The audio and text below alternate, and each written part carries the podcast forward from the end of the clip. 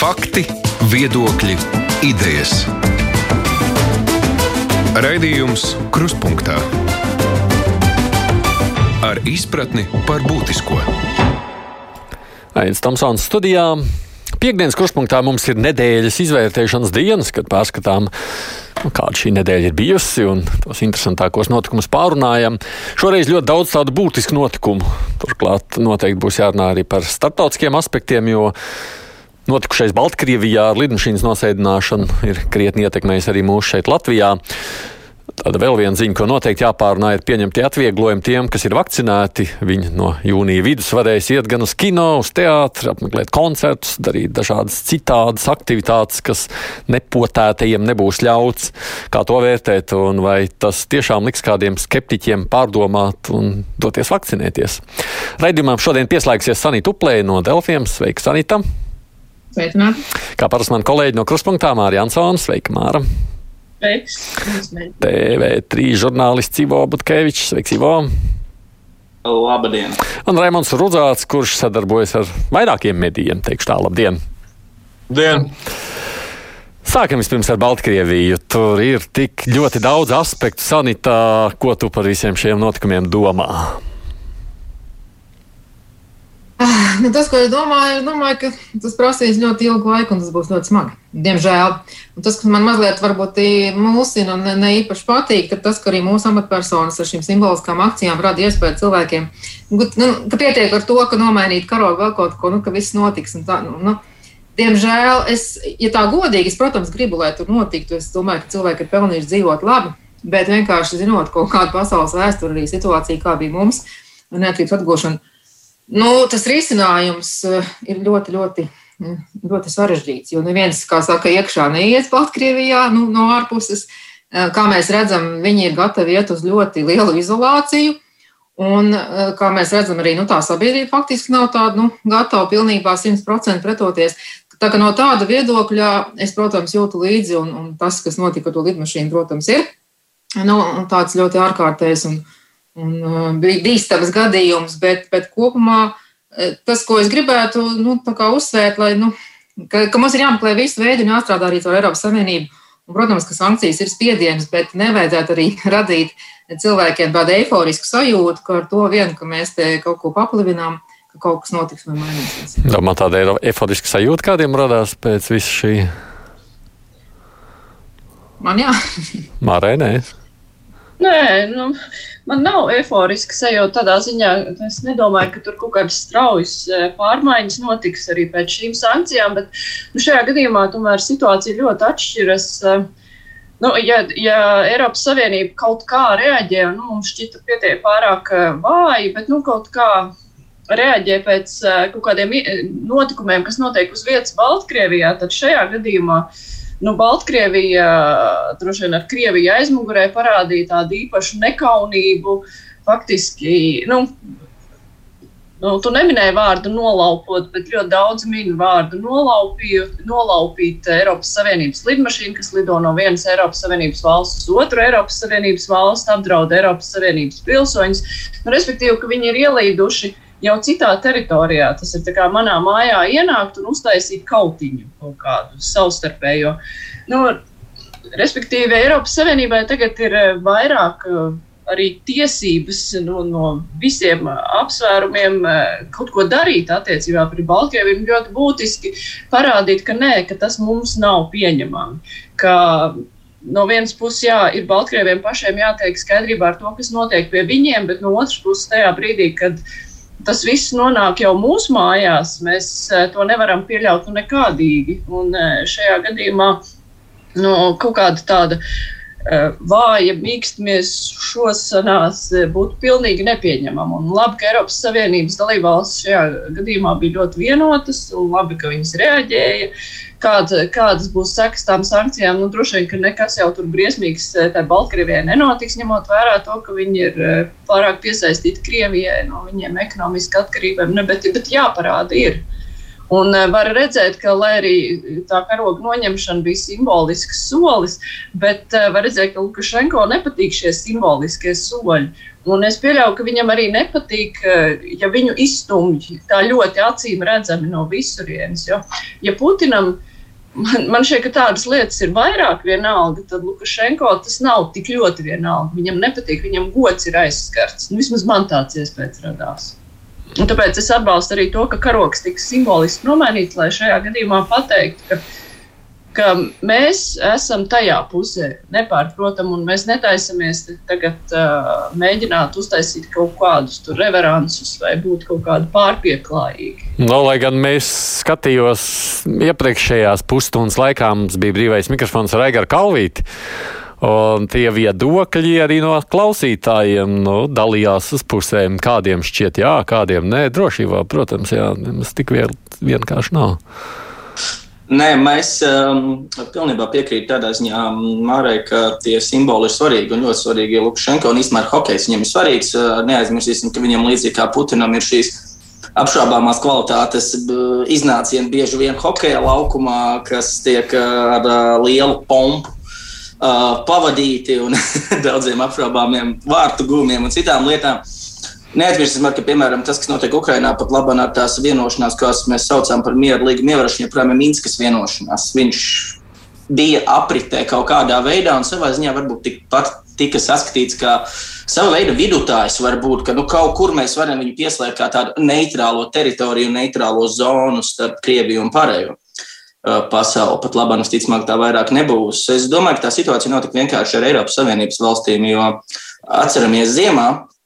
Objektīvi un varbūt neobjektīvi, bet dažādu iemeslu dēļ notiekošais Baltkrievijā bija nu, lielā mērā arī pazudis no Latvijas mēdīņu dienas kārtības, tik izteikti, cik tas bija pērnā gada rudenī. Protams, jo tur ir protesti, protams, bija mazāki cilvēkiem, tur uz vietas bija nogurums, arī lielāks, daudz bija ieslodzījumā, laikapstākļi neveiksmīgāk. Vispārējais man šķiet, Eiropas Savienībai arī nedaudz pat patika tā, ka tā situācija tā, ka bišķi nomierinājās, lai tās, lai tās apspiešanas turpinājās, jo nu, Eiropas Savienība nekad nav bijis tāds supervienots veidojums, kas attiecās uz ārlietām. Es grūti saprast, kā varētu būt Lietuvai un Portugālei vienota izpratne par to, kas notiek uh, Baltkrievijā, ņemot vērā attālumu no konkrētās vietas. Un, um, mēs esam ilgstoši redzējuši, kā neskaitāmas sankcijas tiek vērstas pret uh, Krieviju, un diezgan skaidri redzams, ka ņemot vērā dažādu valstu Eiropas Savienību ekonomiskās intereses, tās sankcijas nu, nav ne tās tiešākās, ne tās efektīvākās, ne tās labākās, būs Ir skaidrs, ka jāsako vēl kaut kam no Eiropas Savienības. Būs interesanti skatīties, cik uh, skarbus soļus būs gatava uh, Brisele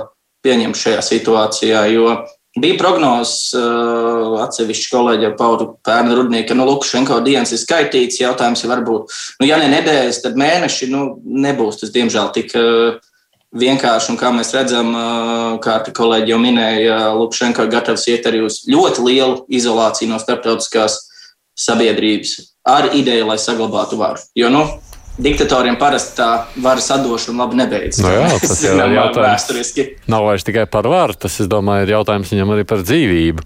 Par šo te hokeju jaukšanu ar sportu, Raimonda, te mums šķēpus lauzām pagājušajā pusstundā. Kā tad ir? Tā ir jaukšana vai nav jaukšana? Nē, nu, ja par uh, politiku un uh, sportu, tad tās lietas nav nodalāmas. Sevišķi tas konteksts ir pasaules čempionāts hokeja Rīgā, kurš mums pirmkārt tiek vispār pie mums ir nonācis, tāpēc, ka mēs ar Baltkrieviem kopā pieteicāmies viņu rīkot, un mums šīs tiesības piešķīra. Darīja šī karoga no ņemšana, manuprāt, ir jāskata kontekstā to, kā tas karoks vispār pie mums nonāca Rīgā. Jā. Viņš nonāca tāpēc, ka mēs ar šiem Baltkrieviem slēdzām pirms dažiem gadiem aprēķinu laulības. Tā kā ļoti labi zinot, kāda ir situācija Baltkrievijā ar visu demokrātiju.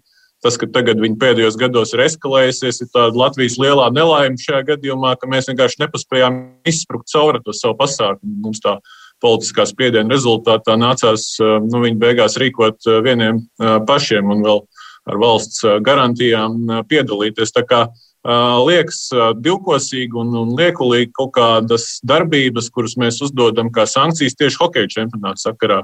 Tas, ka vispār mums jāpievienojas sankcijām, par to šaubu nav, un, un mums ir jāatbalsta Baltkrievu atmodas, alkas un, un, un demokrātijas veicināšana, par to nav šaubu. Bet, par, par karogu viss, nu, tad ir jāskatās tālāk, vai mēs nākamgad piedalīsimies Olimpiskajās spēlēs Ķīnā. Nu, Latvija sūtīs savu delegāciju, kur šobrīd tiek aktīvi apspriestas visas šīs koncentrācijas nometnes, un, un lielvalstis sāk diskutēt par to, vai doties. Nu, tad mums ir jābūt konsekventiem. Un, tā kā mēs ļoti iestājāmies par brīvību, tad arī palīdzēsim Ķīnas tautai vairāk kā tiem miljonus cilvēkiem, uiguru musulmaņu nometnēs. Jā, jā, sekmāri. Oh, nē, šajā gadījumā jau nav stāsts tikai par Baltkrievu valkām pēc brīvības, bet stāsts ir par nekaunības līmeni, kādā rīkojās Lukašenko apdraudot Eiropas Savienības pilsoņus. Un es domāju, ka ja nebūtu šis incidents ar lidmašīnu un to, nu, cik pārgāja pārdroši Lukašenko rīkojās šajā situācijā, tad Protams, ka nebūtu nekāda karoga simboliskā ņemšana, jo to, kas notiek Baltkrievijā, mēs redzam visu laiku. Vienkārši šis bija nu, tāds milzīgs trekns punkts uz I, un tāpēc, nu, var teikt, vādzis lūza. Un es nezinu, vai tas ir saistāms ar, ar Ķīnu, ar to, kas notiek Ķīnā un uh, cilvēktiesību pārkāpumiem visā pasaulē. Tad jau mums ir jāizolējas no ļoti daudz kādu. Paužot pozīciju, ka mēs esam pret cilvēktiesību pārkāpumiem, mēs esam pret, bet uh, Šajā gadījumā jau tika pārkāpta robeža un notika tāda zināma ielaušanās arī mūsu mājās. Es, es atgādināšu, ka tas notika tā nu, lidmašīnas novirzīšana, nolaupīšana, saucamā gribam notika virs Baltkrievijas gaisa telpas. Tas nenozīmē, ka viņi var ņemt, kā saka, citai valstī piedarošo lidmašīnu. Bet eh, nu, no otras puses ir tā, ka, lai valsts eh, gaisa telpa lidot pāri, teiksim, tās ir starpvalstu vienošanās un, un tur ir izmaksas un tam līdzīgi. Kā, nu, mēs paši kā, riskējam ar to, bet tagad mēs zinām, ka nu, Eiropas Savienība nevar to riskēt, to nevar darīt. Um, bet, Par to hokeja čempionātu vēl gribēju teikt arī, ka nu, izskanēja tie aicinājumi, teiksim, tos Baltkrievijas izlases izslēgt vēl kaut kā. Cilvēki nesaprot, un šeit, gan ir politika, zinām, mērā no sporta jānodala, ja tagad izslēgt Baltkrievijas izlasi, Raimonds šiem varētu man labot, ja es teiktu nepareizi. Tas nozīmē, ka faktiski viss čempionāts ir jā, jāatceļ, jo tā spēle vairs nav godīga tālāk. Nu, teiksim, grupu, grupu turnīru laikā, ja to nu, vienu izlasi izraidīt, vai ne, tad vispārēji arī cieši. Tā kā nu, arī tās sankcijas, par kurām runāju, ir jādomā, ir kādas. Bet eh, nu, mēs pirmkārt redzēsim, skatīsimies, ko tad tieši ieviesīs un kādas tad no sankcijas no Eiropas Savienības būs. Un tad mēs redzēsim, vai tiešām šis vārds ir lūzis pilnīgi un galīgi. Un eh, jau kā mēs zinām, ir arī piemērs, nu, jā, Lukašenko droši vien pārkāpa kaut kādā mērā savas robežas, bet Krievija, eh, Putins ar indēšanu ārzemēs, ar, ar, ar radioaktīvām vielām, ar nogalināšanu Vācijā, tur šaušanu, vecukot, nu, dažādi opozicionāri, kas tikai nav darīts ar Navaļnī, viņš ir pārkāpis ļoti daudz un dažādas robežas, un kā mēs redzam, tad, eh, nu, tās sankcijas arī nav nemaz tik lielas, nav neko tik, nu, tik daudz panākuši. Tā kā, eh, nu, redzēsim, ar ko tas viss beig, beigās beigsies. Vēl es atgādināšu, protams, es te mazliet tā kā bada dzegu uz klādzienu, bet, nu, Ukraina, nu, Krima notika 2014. gadā, ir septiņi gadi pagājuši. Nu, mēs esam tur, mēs esam ar visu Minskas vieno, nu, procesu. Kā, nu, tas, tas ir sarežģīts process, tas, tas ir ilgstošs. Un... Mm. Jā, jā, droši, droši. Jūs man te atļauju neprasiet, tas nav skolotājs. Labi, ņemsim tā. Nē, es vienkārši gribēju vēl īstenībā piebilst par to mm, sportu vai atdalīt no politikas, ko bieži dzirdam no atsevišķiem politiķiem vai sporta funkcionāriem, kuri it sevišķi Latvijā bieži vien ir tādu mīšanās apli starp šiem amatiem. Nu, tā nekad nav bijis un tā nekad nevarēs būt. Sports ir starptautiska arēna, it sevišķi lielas sacensības ir arī globāla arēna, kur vienmēr tāpat būs klāta politiķi. Un skaidrs, ka arī paskatoties vēsturē, nu, šīs lietas nekad nebūs līdz galam atdalītas. Ja godīgi, ļoti labi apzinās arī tie cilvēki, kuri tagad skandē, ka sports ir jādala no politikas un tur nekam nevajadzētu būt. Tā tas nevar būt, un tad nekad arī nebūs. Tur mazliet vakar ievāca informācija arī, kā Baltkrievu puse, kas ir Baltkrievijas izlases puse šobrīd eh, Rīgā, uz to reaģējuši un kā viņiem vispār iet. Tad eh, no viņiem pienāca tādas informācijas, ka viņi tādas sankcijas no pret sevi izjūt jau principā no pirmās dienas čempionātā, kas saucās eh, pašvaldības policija pārbaudīs, kur noparkojās komandas autobusus un vai pareizi noparkojās cik ilgu laiku. Un līdz tādām sīkām niansēm vismaz tā viņi ir izjutuši, kas attiecas uz to lūgumu nodrošināt viņu drošību šeit Rīgā, tad tas palika aktuāli no brīža, kad tas karoks arī tika nomainīts. Tad tajās retajās reizēs, kad Baltkrievijas izlase kaut kur publiski ir sastopama, vismaz attālā konfrontācijā ar pārējo pasauli ārā no savu burbuļu, vai dodoties uz halu vai uz treniņu halu, tad uh, viņus regulāri sagaidīs tāds vai citāds cilvēku pulks, kas izkliedz tādas vai šitādas saukļus. Nu, protams, mēs varam spriest, cik viņi varbūt hiperbolizē paši to savu ciešanu apmēru, bet nu, īsti komfortabli viņš šeit nejūtas. Un šajā gadījumā es arī mazliet gribētu iestāties hokeistiem aizsardzībā, jo ko nozīmē būt Baltkrievijas izlases hokeistam, kā jau te kolēģi minēja diktatoram viņa tas ir galvenais sporta veids un, un viņa gandrīz vai esība šajā pasaulē, lai viņi labi startētu hokeja. Tu pēc garas sezonas tu nevari atteikt izlasē, tu tur ierodies uz čempionātu ar visām savām traumām, nogurumu. No tevis prasa pamatīgu atbildību, tev turnīru vidū, ko tu ļoti labi iesācis. Nu, noņem karogu, tad, protams, arī nolaupa tautiešu lidmašīnu, viss kopā, un tad tu zaudē Lielbritānijai, kas kopš 62. gada nav neko uzvarējis. Nu, tas kopā visvairāk uz šiem, kas šeit ir, atstāja baigo iespaidu, un mums viņus tā kā bakstīt, nu, tā kā tas būtu kā kādu mazo brālīti pagalmā, bakstīt un pašiem aizmirst, ka viņa lielais brālis vienā brīdī var atnākt un paskatīties uz mums no augšas. Bet viņiem arī Baltkrievijas izlasē ir kādi pieci vai seši, ir principā nu, nopietnie spēlētāji, kas ir nu, ne tikai angļu, un pat dažādi vārdi. Ir. Nu, tas jau parāda to politisko apmēru, piešķir pilsonības par īpašiem nopelniem, tā kā mēs arī esam kādreiz darījuši. Nē, nē, un par to drošības sajūtu viennozīmīgi, ko es arī domāju, ka būtu svarīgi atzīt, bet nepalīdzēja atsevišķi deputāti šajā gadījumā Bikšas kunga no attīstīt par uh, ierakstu sociālos tīklos, ka varbūt vajadzētu mums tā, viņus uh, uh, neatceros precīzo frāzējumu, bet es izmantošu līdzīgu vārdu nolaupīt, aizvest līdz robežai un tad apmainīt pret uh, politiskajiem bēgļiem. Uh, nu, es atvainojos, mākslinieks kungs var teikt, ko viņš grib, kā viņš provocēja un kā varbūt visi uztver pārāk nopietni. Jēzus Marija cilvēki apzināmies tomēr, kādus amatus mēs ieņemam un kāda nozīme ir tam, ko mēs paužam publiskajā telpā. Uh, tas, ka pēc tam tas var griezties visos propagandas kanālos uz rīņķi par to, kā te mūsējie apmēram kādu plānus, kā atriepties. Nu, nu, bišķiņ, bišķiņ padomāt pirms kaut ko tādu vēlams. Jo, bet atcerieties, ka tā nav pirmā reize, kad saimnes deputāti īsti neapzinās savu amatu nopietnību. Jo, ja, protams, protams, tas ir. Tas ir tradicionāli, nu, ne jau tradicionāli, bet vienmēr, man liekas, katrā sasaukumā ir deputāti, kuri neapzinās to, ka viņi nevar vairs atļauties to, ko ir parasti cilvēki, ne deputāti, ko var atļauties.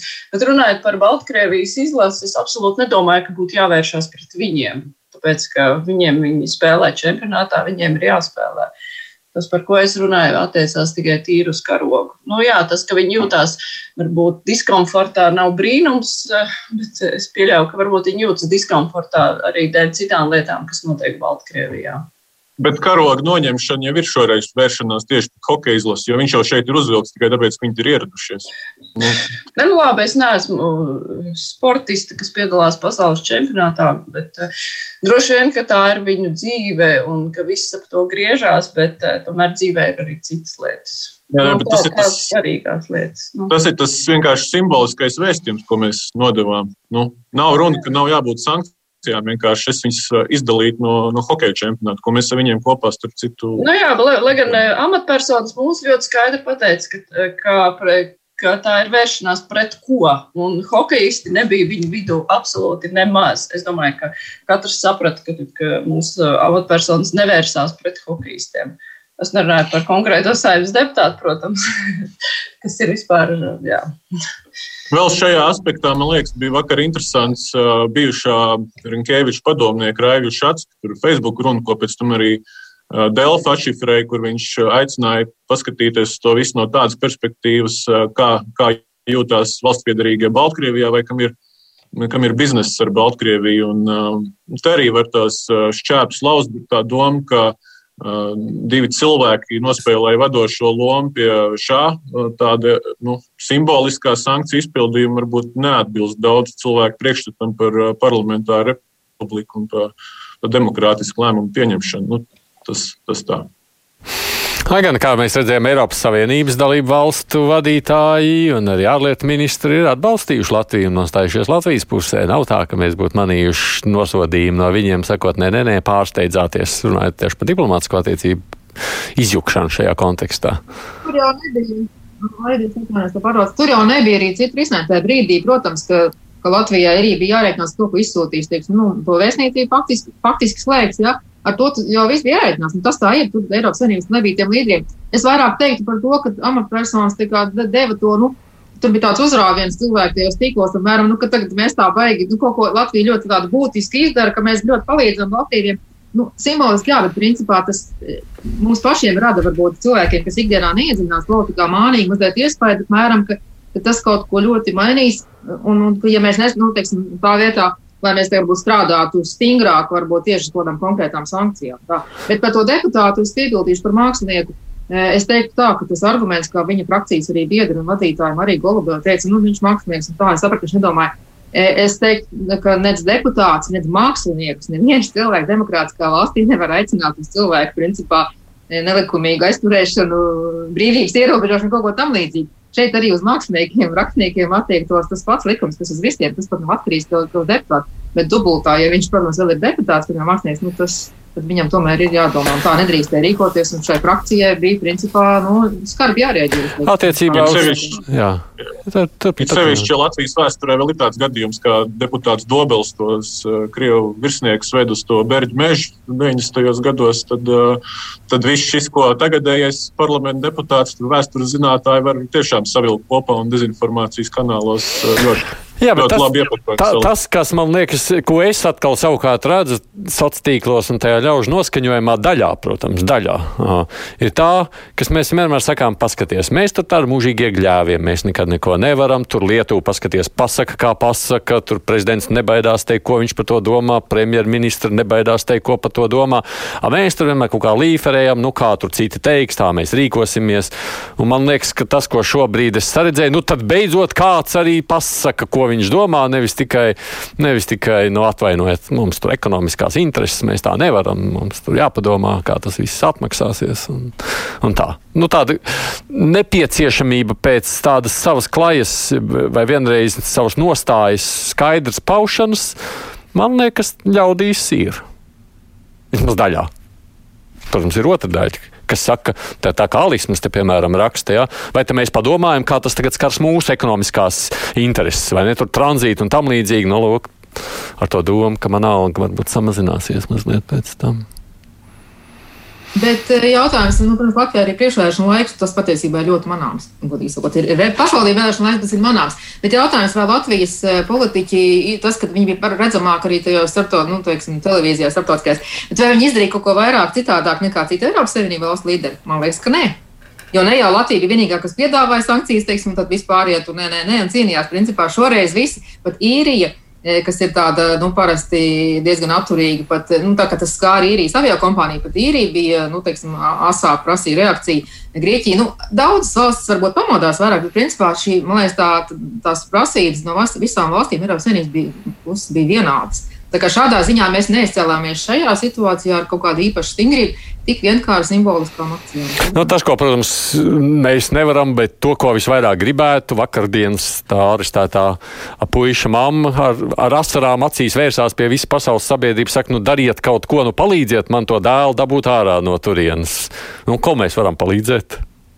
Nu, lūk, tas ir jautājums, kur ir jāmeklē kaut kādos, es nezinu, es neesmu varbūt speciālists, bet kaut kādos starptautiskos formātos, es nezinu, nu, tikpat labi kaut kādas tur saruna. Nu, agri vai vēl jau būs jāmeklē kaut kādi nu, saruna risinājumi, kaut kādi pārējais posmi, tā skaitā, iespējams, iesaistot, es nezinu, nu, Krieviju, bet, ja mēs pastamies kaut kādā pasaules, nu, kur tad ir tie gadījumi, kur, teiksim, nu, kaut kāds nu, iegāja Irākā, nu, no ārpuses eh, režīma sagāzta, un kas tur notika pēc tam, ne, Lībijā, kas notika, tik varētu no Kadafī, kas notika, nu, viss arī tas arābu pavasars, kur tā kā no ārpuses, tā kā, nu, jā, jūs cīnāties, cīnāties, mēs sagāžam, un kas notiek pēc tam, nu, eh, nu var sakot, nav tādu piemēru, un mūsu piemērs ir pilnīgi citādāks Latvijas neatkarības atgūšana, tāpēc, ka, nu, ja padomjas vienīgi kā tāda nebruktu, un ja Krievijai, Jēlcinam nebūtu interese, tad tas iznākums būtu varbūt cits, vai tas prasītu vairāk laika, tā kā apstākļi sakrīt. Bet šeit, teiksim, nu, tas iznākums uh, tā cīņa būs ilga un sarežģīta, un tāpēc ir jādomā ļoti dažādi risinājumi. Tā skaitā droši vien ir sarunas un kompromiss arī, manuprāt.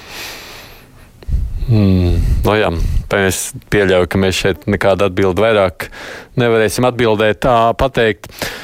Ejam uz nākamajiem tematiem. Es tikai atgādināšu, četri mani kolēģi, žurnālisti, kas komentē šīs nedēļas aktualitātes, Sanita Uplē, Mārija Ansona, Ivo Butkevičs, Remons Rudzāts. Raidījums Krustpunktā. Nu, par valdības lemšanu par atvieglojumiem vakcinētajiem.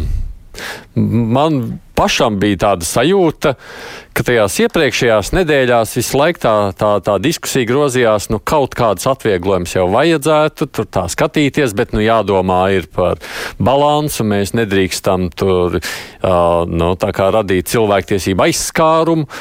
Un tad, man liekas, te pēdējās tādās trijās dienās viss tā strauji pagriezās vakcinētajiem, visu nevakcinētajiem neko apmēram tā. Pašlaik. Uh, Es, protams, nezinu, kā tas tur turpināsies. Ko jūs sakāt? Jūs atbalstāt šos valdības nu, piedāvājumus atvērt visu vakcinētajiem?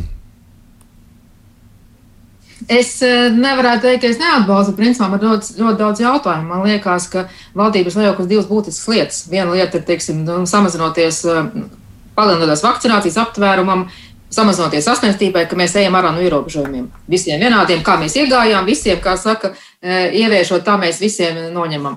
Un tagad faktiski tas ir pārklājies ar to, ka mēs gribam kaut kādu vakcinācijas kampaņu, uzrunāt cilvēkus, un tad mēs pēkšņi kaut ko sajaucam. Jo tagad ir tā, ka es paskatījos, un es pat izrakstīju, ja, ja no 15. jūnija tagad vakcinētie cilvēki un pārslimojušie, un tā ir atsevišķa nianses, pie kā es no atgriezīšos, e, varēs iet uz kino mierīgi bez maskām, bez, div, bez diviem metriem. Es atvainojos, bet uz veikalu šie paši cilvēki Rimī ies 15 minūtes, ieskries ar maskām ievēros divus metrus arī vakcinētie.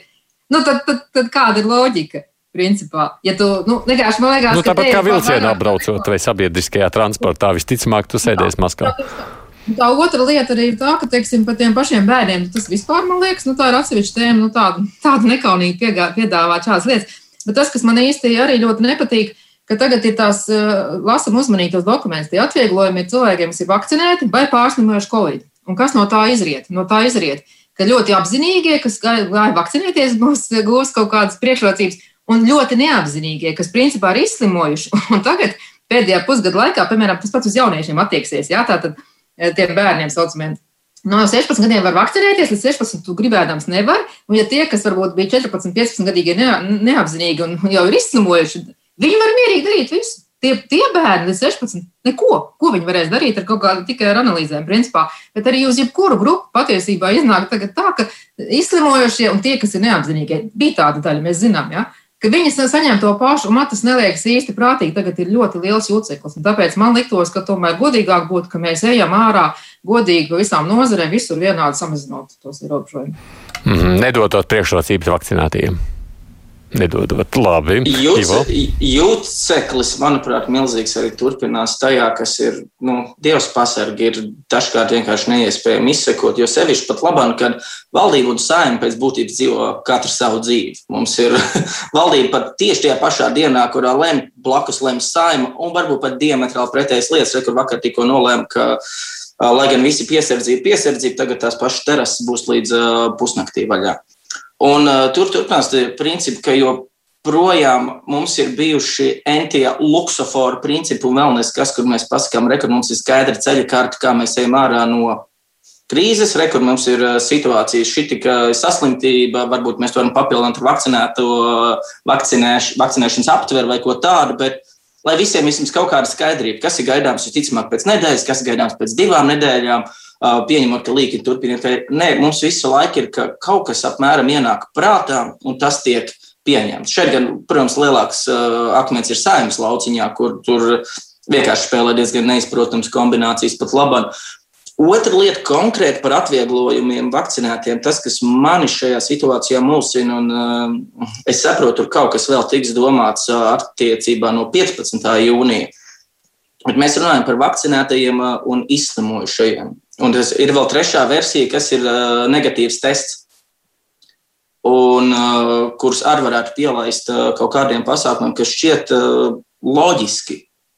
Tests nav, protams, perfekts, tests nav 100%, bet ir jāsaprot kaut kāda situācija. Ir, piemēram, cilvēki, kuri nevar medicīnisku iemeslu dēļ vakcinēties. Ko mēs tagad ar viņiem darīsim šajā periodā? Nu, viņi tātad nevar neko, vai viņiem jācer, ka viņi saķers Covid un izslimos un varēs atgriezties dzīvē. Nu, Tur ir ļoti liela, ļoti šaura tā robeža, manuprāt, šajos jautājumos attiecībā uz to, kas, kas ir varbūt sabiedrības veselības interesēs un kas ir jau klāja diskriminācija attiecībā uz cilvēkiem. Tā robeža ļoti smalka, un to noteikti nav viegli ievērot, bet uh, tas par to, ka uz atsevišķām lietām jau tagad, piemēram, to pašu hokeja čempionātu, piemēram, negatīvs tests nederēs, tas mani ļoti mulsina ar to, kā mēs darām. Ja ne no diskriminācijas, tad varbūt tāds vienkārši vienlīdzības viedokļi ar šiem cilvēkiem. Ja būsim jau godīgi, uh, nu, nav tā, ka šo nevis pirmo vakcīnu, bet tiešām visu vakcinācijas nepieciešamo ciklu pilnīgi visi ir varējuši iziet. Nu, šī pati valsts mums un valdība, diemžēl, nesagādāja pietiekami daudz vakcīnu, lai mēs to varētu izdarīt tagad, ir sevišķi tām potēm, kurām ir ilgāks šis starptermiņš. Nu, še, šeit ir ļoti uzmanīgi, manuprāt, jāvirzās tālāk ar to, ka starp šo dalījumu attiecībā uz vakcinētiem un nevakcinētiem cilvēkiem. Nu, vienīgais ir tā, tāda maza replikācija attiecībā uz tām potēm, kurām tas garais starp posms zvāstur. Tad, laikam, tā vakcinācija Latvijas līmenī skaitīsies pēc pirmās posmas. Jā, jā, bet ne piemēram uz ceļošanu. Uz ceļo, kā, nu, jā, bet tur, nu, tas... tur savukārt tas laikam pat vairs nav Latvijas jautājums, tas ir starptautiski lemjams jautājums. Tur mēs tur varam izstiepties vai sarauties. Labi, lūdzu, nākošie kolēģi. Raimonds. Nu, es, es, jā, es, es nezinu, cik uh, šie lēmumi un ieceres ir uh, veiksmīgs, bet es varu teikt, ka viņas noteikti ir efektīvas, jo es pirmdien došos uh, vakcinēties. Tikai tāpēc? Man, pa, pa lielam, jā, es neesmu kādā gadījumā vakcīnu pret, pretinieks vai antivakcērs bijis vienkārši.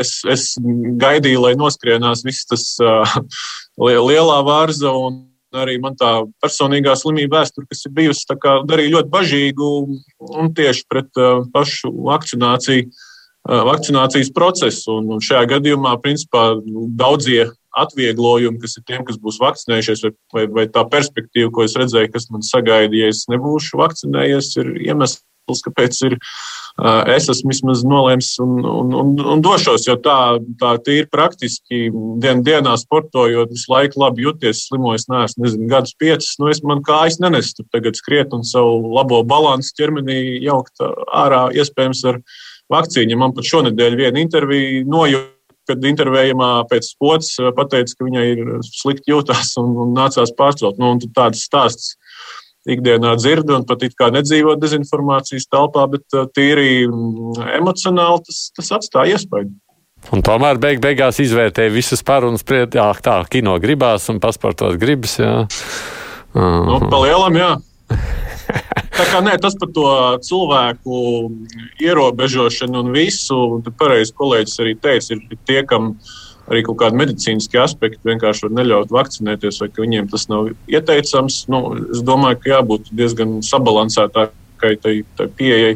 Ko var, ko var darīt cilvēki, kas nav vakcinējušies? Kaut kāda izvēles brīvība tomēr jāatstāj. Zini, tur publiski ir izskanējis, ka kā, nu, tad jau nevarētu ļaut arī cilvēkiem braukt alkohola reibumā uz ielām. Tā, man liekas, tas ir pārāk radikāls salīdzinājums. Māra.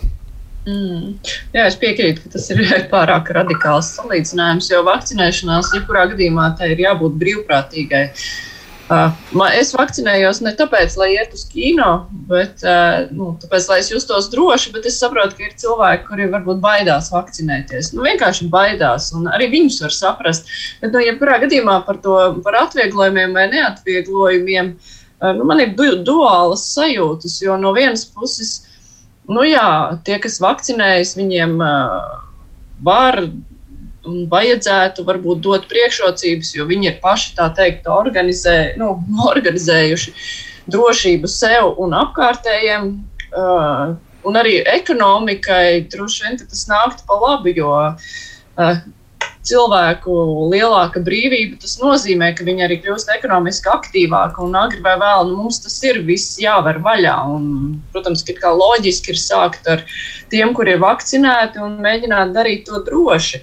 Tas, kas man šajā visā stāstā nepatīk, tas ir tas, ko Sanita jau minēja attiecībā uz bērniem, kas šķiet ārkārtīgi dīvaini, ka tagad, ja gribēs iet uh, lielākā skaitā uz restorānu, tad bērniem būs jādodas iekaltests vai lai to varētu izdarīt. Nu, Nu, respektīvi, viņiem nav iespēja ne vakcinēties, viņiem ir iespēja tikai kaut kur testēties. Tas viss kaut kā tā ļoti dīvaini un beigās sanāk kā diskriminācija pret ģimenēm un bērniem. Nu, tā. Es domāju, ka tas ir kaut kādas lietas, kuras vienkārši nav pārdomātas līdz galam. Bet tas, ka kaut kas tiek vērts vaļā vakcinētajiem un arī pārslimojušajiem, nu, no tāda sabiedrības veselības viedokļa, tas ir diezgan loģiski. Jo ar ko gan sākt, ja ne ar tiem, kuri nevar saslimt vai var saslimt viegli, kuri mazāk var pārnēsāt. Nu, tā. No te vairāk. Atbildes uz jautājumu, kā to izdarīt, bet es gribēju vienkārši, man liekas, ka šajā visā stāstā par vakcināciju mēs esam tādā modernā mārketinga, kā saka, laikmetā aizgājuši kas mums par to būs, un, un tā kā gaidām kaut ko pretī. Principā man liekas, ka kas ir tas vakcinācijas pamats? Ir, tas pamats ir, kāpēc tu vakcinējies, tāpēc, ka tu gribi, negribi saslimt, tu negribi nomirt. Tu negribi, lai saslimst nomirst tuvākie cilvēki. Un tas ir tā, tā galvenā. Tā jābūt tai motivācijai. Tai sarunai būtu jābūt par to, ka mēs gribam pasargāt sevi un blakus cilvēkus. Nevis tagad sākties nu, tāda plēšanās pie kaut kāda blakus sistēmas, maz vai apmēram, kurš kaut ko par, kam par to dos. Un tas, ko, teiksim, arī Ivo saka par tiem cilvēkiem, kas nevar vakcinēties. Nu, droši vien to skaitu Es pieņemu, ka to varbūt var apmēram saprast kaut kāds medicīnas, nu, teiksim, kas ir tās kroniskās slimības vai, teiksim, tie stāvokļi. Tas droši vien arī nav ļoti liels skaits. Bet, piemēram, ja, piemēram, vīrs vai sieva ģimenē viens cilvēks ir šāds, kas nedrīkst vakcinēties, ja otrs ir vakcinējies, nu, tad viņi tagad nevarēs nekur iet kopā. Ja? Nu, tad sanāk, ka mēs tā kā, nu, ja nevaram to testu, piemēram, ja? Sanāk, ka mēs šķiram tās ģimenes, un ar tiem bērniem tieši tas pats ir. Tad labāk ir ļaut bērnam izslimot, pakļaut viņu riskam, nu, nezinu kas, bet tad, tad būs miers, tad nebūs jāmaksā par testiem, tad nebūs jāuztrauc. Tur kā ģimenēs ir bērni, ir, ir vairāki bērni dažādā vecumā, un tad, kad pat ja, pat ja vakcinēs no 12 gadu vecuma tos bērnus, tur jau būs atkal citādi, jo tur būs vecāka atļauja vajadzīga. Tas nav tā kā tiem 16 gadīgiem. Līdz ar to tie bērni arī tiks nosādīti kā ķīlnieki. Un es nedomāju, ka izējot no šīs nu, smagās krīzes, ko visa sabiedrība ir vairāk nekā gadu teiksim, nu, dzīvojusi un cietusi, ka mums vajadzētu vēl nodarīt kādam pāri vēl kaut ko šķelt, un tā skaitā, teiksim, nu, šķelt ģimenes. Nu, mēs par, par to nu, jā, bet tā ir tavs tās pieminētais stāsts, sakot, ka tur jau tā ideja, ka mēs domājam par to, lai neslimtu un kopā kā, sargātu savu sabiedrības veselību. Tas jau, ko, protams, rāda aina, un tā ir pilnīgi loģiski saprotama. Mēs redzam, saslimstība jau šobrīd sāk kristies. Ar to, ka mēs esam vakcinējuši tikai kaut kādus labi piekto daļu, vai ne? Abas vakcīnas vēl nav noteikti tajā visā. Ir skaidrs, ka vasara darīs savu, un kaut kādā brīdī mēs nonāksim apmēram jūnijas, jūlijas. Saslimstības jau praktiski nav. Kāpēc man iet vakcinēties? Jo nu, tur tomēr taisnība vienai daļai ir diezgan būtisks blakus parādības pēc potes ērtāk neko nedarīt, jo nekāda riska jau tajā brīdī nav. Līdz brīdī, kamēr pienāks atkal septembris, oktobris, un viss liks augšā, un tad mēs ķersim un grābsim sacīsim, ko visi valdība darīja vasarā, kāpēc viņi neko nedarīja, kāpēc viņi neradīja tādas priekšnosacījumus, ka visi skrien vakcinēties, un mēs sēdēsim šeit piekdienā un lamāsim valdību. Es teicu, jau, man nav atbildes īsti, bet es domāju, ka tad ir jāpiesaist kaut kāda gudra prāta, nezinu, filozofija, etikas ir kaut kādai sarunai varbūt jāpārvērš, jo mēs esam, manuprāt, aizgājuši pārāk tieši tajā apmēram pērk mājienu un tādā mārketinga. Kad cilvēks sagaida, bet man tieši kaut ko vajag pretī, bet tu nevienmēr vari šajā situācijā sagaidīt. Nu, ir kaut kāds, jā, tai sarunai jābūt citai. Un, protams, arī mēs nevaram sagaidīt līdz rudenī, tagad, ka mēs varēsim 100% pasargāt, un, un tā, tā, arī, tā, tā arī ir jārunā. Nevajag solīt un teikt, ka mēs tagad esam spējuši šo pandēmiju apkarot tā, ka pilnīgi nevienam nekas nenotiks. Un tā jau var tas nebūs. Jo tas, kas ko ļoti man negribētos, ka mēs atkal pienāk oktobris un pasaule jau ir vaļā, bet mēs Latvijā slēdzam skolas, mēs visi aiztaisām cieti, jo Latvija ir slēgta tajā brīdī, tāpēc ka mums lūk ir bijis pietiekoši labi un mēs neesam bez vakcinācijas procesa izvilkuši. Un kā dabūt to, es tev piekrītu, man arī nav atbildes. Es īsti nezinu, vai, vai šis ir pareizais veids, kā tas tiek darīts, bet nu redz uz Raimonda tas darbojās. Varbūt uz vēl kādu. Nē, nē, mana, mana Vienkārši redz, kā tas notiek. Man liekas, tur ir rādīja aptaujas. Tas bija redzams, ja seko līdzi gan uh, valdības sēdēs tās aptaujas vai vēl kaut ko citur. Ka sākumā bija ļoti mazā daļa, kas bija gatava. Tad, kad cilvēki redz un saprot, redz, kā tas strādā pasaulē, kad, kad, kad lietas notiek, ka mainās, ka tu redz blakus, tad jau tas tā, sāk vēlties. Un tā ir tā saruna arī. Un tur nav tas, ka cilvēki gaida pretī, ka viņiem tiešām būs kaut kāds taustāms labums, bet viņi redz, teiksim, nu, ka samazinās tās saslimstības. Nav viņi samazināsies, kā redz šobrīd tāpat, Sakivo. Jā, nē, manas tās lielākās bažas ir saistītas ar to, ja mēs eh, šovasar netiekam um, galā. Un, uh, protams, tas tāpat var izraisīties tur visādiem, vēl tur nezinu, kādiem pavē, vīrusu paveidiem vēl kaut kam, bet ja mēs šovasar netiekam galā, un mums ir rudenī jāturpina cīnīties ar pašām tām problēmām, un mēs ieejam saimas vēlēšanu gadā, nu man kļūst ļoti liels bailes par to, kas notiks tad un kādi tur potenciāli risinājumi varētu interesantā izpratnē, es domāju, nākt. ārā. Tāpēc ļoti jāturīgs, ka mēs tiekam galā. Un tur ir vēl ir otrs aspekts. Mēs jau šobrīd faktiski dzīvojam labi tikai tāpēc, ka tā ir reizes Eiropas problēma. Un Eiropas līmenī tur tiek tas finansēts ar milzīgiem miljardiem, kurus arī Latvija saņem, lai, lai pārdzīvot šo pandēmiju. Brīdī, ja mēs paliksim vieni, jo paši neesam neko lietas labā darījuši. Tas mums arī maksās ļoti dārgi ekonomiski. Mēs vairs nepavilksim. Mēs būsim uzreiz automātiski ar zemām algām, nogriežtām pensijām vispār, jo mums nebūs vairs naudas tajā brīdī. Vai arī būs uzreiz beigais parāds jāaudzina. Tā kā tā ir tāda lieta, ko. Bet, nu, ko tā ikdienas piedod, Raimonds, mēs jau ar tevi nedomāsim. Nu, vai tā mēs tādās aspektos domājam? Mēs domājam, iet uz kino vai nē, vai ne? Vai cits jau mums taču ne, ne, nespiedīsim. Labi, kino, tas ir tāds piemērs, bet, bet stāsts par jā, to izvēles brīvību un to, ka tev labāk, lai viss ir vaļā nekā viss ir ciet, tas, protams, ir nu, aspekts. Jā.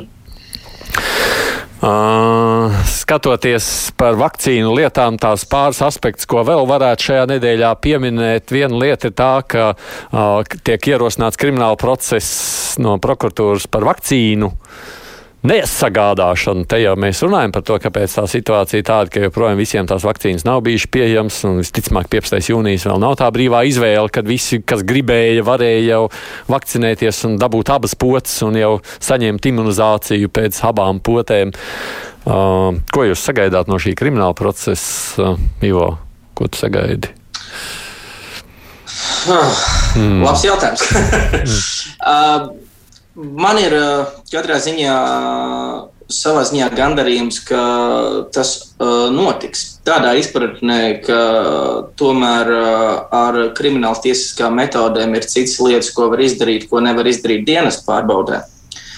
Un uh, varētu visticamāk tomēr izdibināt to nu, skaidro, patieso un vienlīdz eh, varbūt tā monolīta formulējumu viedokli par to, kāpēc arī īsti tā bija. Kā bija, jo es skatījos parlamentārās izmeklēšanas komisijas sēdi, kas tagad ir saistīta ar Covid-19 krīzi un parlamentā ir. Un, Un, uh, tur bija uzaicināti bija Zāļu valsts aģentūras bijušais direktors un uh, veselības ministrijas bijusī valsts sekretāra tieši par šo vakcīnu sagādas jautājumu. Abi kā viens uzsvēra, nu, Galu galā bija tur kaut kādas kļūdas, un tā, bet nu, tas bija kolektīvs lēmums. Uh, šādi rīkoties, tāpēc tur nosaukt tā skaidri, kas tad īsti būtu atbildīgs vai kas nebūtu atbildīgs, nevar. Uh, šai pašai komisijas, uh, šim, nevis komisijas, bet komisijai piesaistīts arī ģenerālprokuratūras pārstāvis klāt. Uh, nu, kāds mēdz būt šajās komisijās? Un, viņam tika dots vārds sēdes beigās, un kad vēl šī pārbauda, kas bija ģenerālprokuratūrā, turpinājās, viņš pauda, ka nu, te ir svarīgi saprast vienu lietu, lai vai kā mēs runājam par kaut kādu kolektīvu atbildību, galu galā kāds to lēmumu pieņēma. Kāds to e-pastu aizsūtīja, tā varbūt vulgāri sakot, nevienmēr tas, kas aizsūta e-pastu, droši vien tas, kas to lēmumu pieņēma, bet kas sazinājās, tie ir konkrēti cilvēki, kas to ir darījuši. Tās vakcīnas nesagādājās paši no sevis. Tas, ko atklās izmeklēšana, ko neatklās, tas jau, protams, paliek izmeklētāja kompetencē, tik ilgs laiks nav vēl pagājis, uh, lai tur uh, kaut kas būtu, nezinu, zudis uh, pagātnes anālēs. Vienīgā ir par to, ka tiešām, ja tur tik ļoti tās lietas netika protokolētas, tad, tad ir skaidrs, ka nu, būs krietni jāpiepūlās izmeklētājiem, lai tur kaut kādu skaidrību viestu. Mm, kāds cits saka? Es arī domāju, ka tas ir ļoti labi, ka prokuratūra to ir e, sākus darīt un ka tas radīs ļoti labu precedentu. Jo tas, kas man arī nodarbināja visu šī procesa laikā, tās e, veselības ministrijas no nu, dienas pārbaudas, kas bija laikam tikai ministrija, veselības arī no citām ministrijām valsts kanclēs.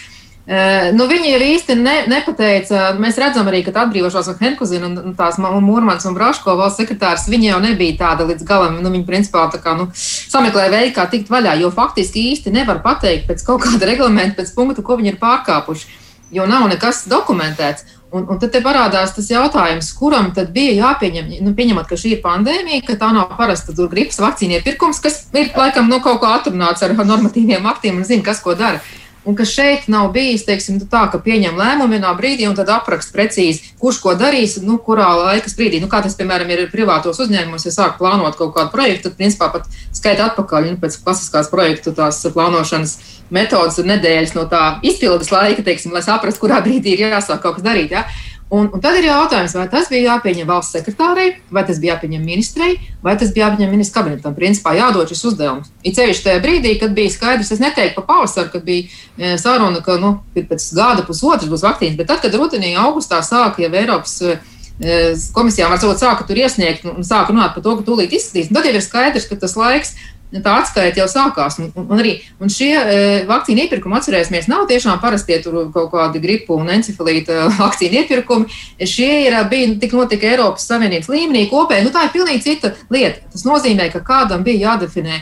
Un, ja tas nebija definēts, tad ir jautājums, kurš tad beigās būs atbildīgs. Tas man visvairāk interesē. Man, man nav interesi, lai kāds noteikti sēž cietumā, bet, teiksim, tīri arī varbūt nākotnē sakārtot šīs lietas.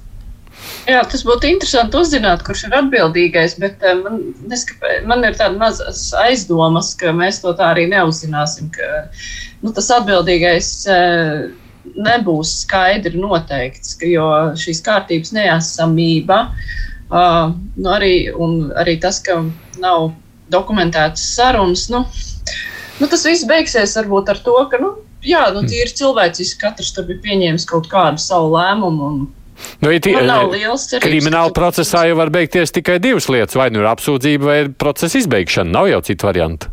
Jā, un uh, es neesmu droša, ka kāds saņems apsūdzību. Tu domā, es ka būs krimināla bet, izbeig procesa izbeigšana vienkārši, vai ne? Nu jā, nu, redzēju, kā, kā jau Sanita minēja, ka tas ir nu, labs precedents, ka tādas lietas tiek izmeklētas. Un redzēs, jā, ar ko tas beigsies, jo mums līdz šim nav īpaši pieredze ar to, nu, ka kāds par viņu šādiem lēmumiem tiktu saukts pie atbildības. Vai šī būs pirmā reize, es nezinu. Nav tā, ka es eh, ļoti domātu, ka tiks.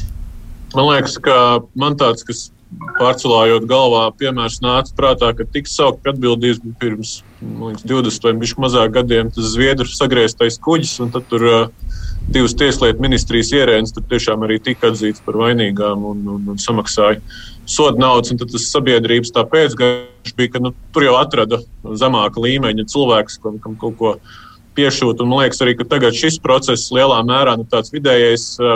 Patērētājs cer, ka aizraksies līdz pašai ministrei. Ja, un, un, un, ja atkal vēlreiz sodīs zemāks lēmumu pieņēmējs, tad, tad, tad atkal nebūs labi. Nu, tā.